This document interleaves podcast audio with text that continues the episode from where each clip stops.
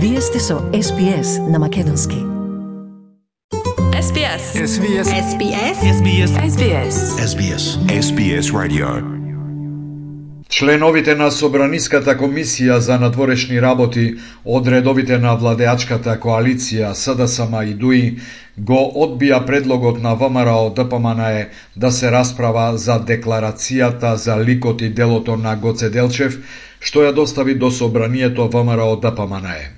Според председателот на комисијата Антонио Милошовски, власта ја испуштила шансата декларацијата да биде точка на обединување околу, како што рече, неспорниот македонски деец и водач во борбата за ослободување на Македонија Гоце Делчев. пратениците од СДСМ и од ДУИ со гласањето против оваа декларација веројатно се на истата линија со министерот Бујар Османи кој што на еден нетранспарентен начин позади сцената договара нешто со официјална Софија и не е исклучено токму дел од договорот да биде и тргувањето со македонската национална историја. И ВМРО ДПМН е како партија која што ја предлага оваа декларација за Гоце Делчев е спремна да прифати секакви конструктивни предлози Причината зошто пратениците на СДСМ гласале против ја образложи пратеничката од СДСМ Жаклина Лазаревска. Со декларација сакаме да се враќаме назад. Она што веќе ние за Гоце го имаме во нашата химна, во именувањето на улици, во именувањето на училишта, во а, празнувањето на Гоце Делчев. И почит тако него, на вистина, значи враќање назад, а не напред со таа декларација. Ова беше втор обид комисијата за надворешни работи да расправа за декларацијата за Делчев. Минатата недела власта ја напушти седницата на ова тело и го оневозможи кворумот за работа. Предходно председателот на собранието Талат Джафери одби за документот да се расправа на пленарна седница. Лидерот на ВМРО ДПМН е Христијан Мицкоски вчера изјави дека е подготвен, како што рече, да ја премости секоја разлика само владата да ги заштити националните интереси. Тој апелира на национално единство во преговорите со Бугарија. Мицкоски на власта и упати порака да не влегува во, како што рече, шверцерски договор со Софија. Уште еднаш апелирам на национално единство за најважните прашања. Нека сватат многу сериозно важноста на историските мигови кои ние како генерација ја носиме. И не знам зошто му е туѓо на Ковачевски да постигнеме национално единство. Ако барем се договорени шверцерски со Бугарија, тогаш тоа треба јасно да го кажат уште сега. Затоа што идната влада предводена од ВМРО ДПМН таков шверцерски договор нема намера да почитува. Мицкоски рече дека е загрижен што владата се повеќе бега од заеднички став со опозицијата околу спорот со Бугарија и смета дека тоа ќе му донесе нов пораз на македонскиот народ. Македонците од Бугарија писмено му одговорија на бугарскиот европратеник од редовите на опозиционата партија ГЕРБ Андреј Ковачев со прашањето, цитат, дали да се извиниме што Македонија не била фашистичка земја. Наместо тие да ни се извинат за фашистичката окупација, сега треба ние да и се извиниме на Бугарија затоа што сме биле антифашисти, завршен цитат. Вака Омо Илинден Пирин го коментира барањето на бугарскиот европратеник Ковачев да се преиспита празнувањето на 11 октомври, денот на антифашистичкото востание на македонскиот народ. Понатаму во писмената реакција се вели Ако се прифати дека Бугарија немала окупаторска и фашистичка улога во Втората светска војна, тогаш логично е дека немало ниту антифашизам во Македонија, ниту народно-ослободителна борба.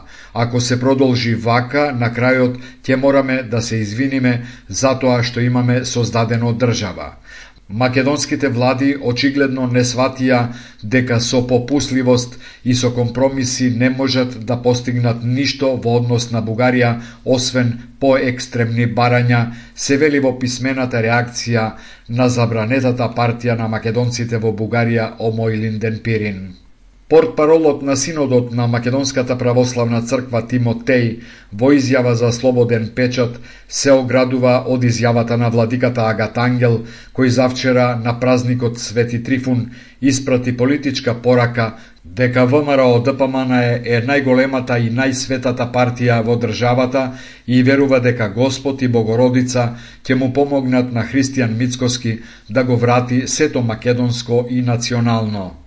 Тимотеј вели дека личниот став на владиката Агатангел не е став на МПЦ. Тоа е личен став на владиката. Не можам да предвидам дали и што ќе преземе синодот за изјавата на владиката.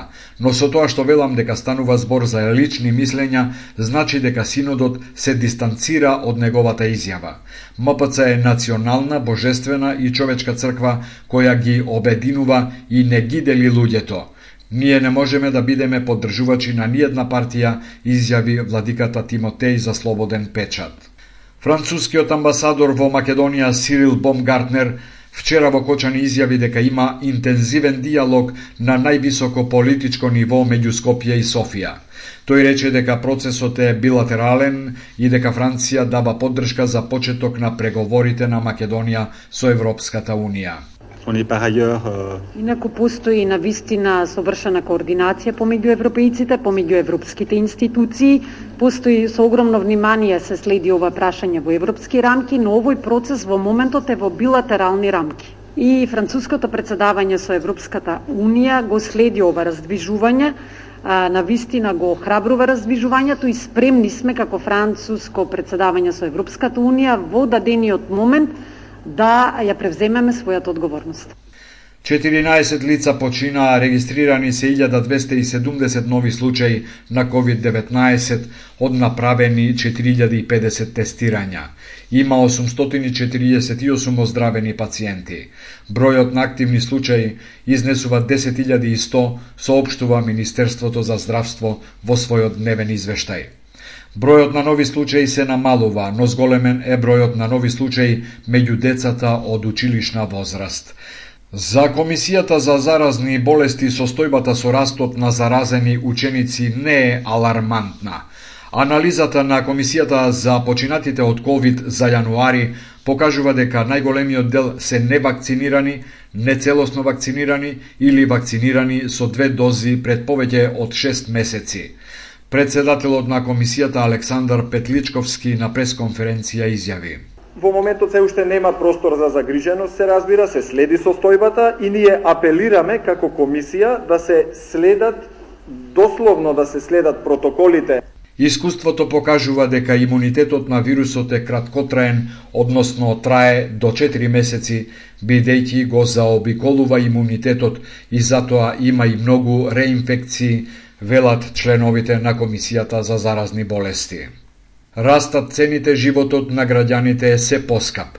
Според Државниот завод за статистика во јануари цената на минималната кошничка е зголемена за 770 денари и чинала 35.811 денари.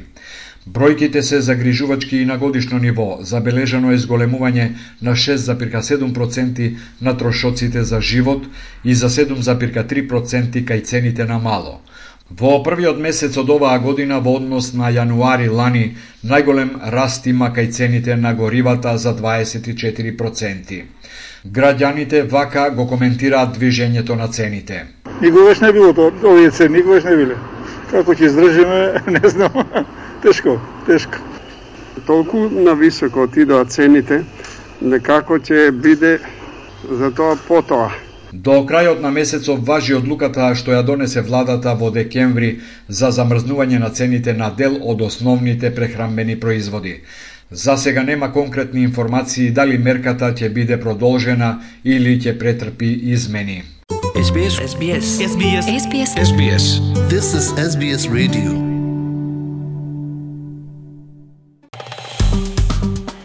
Стиснете, ми се допаѓа, споделете, коментирајте.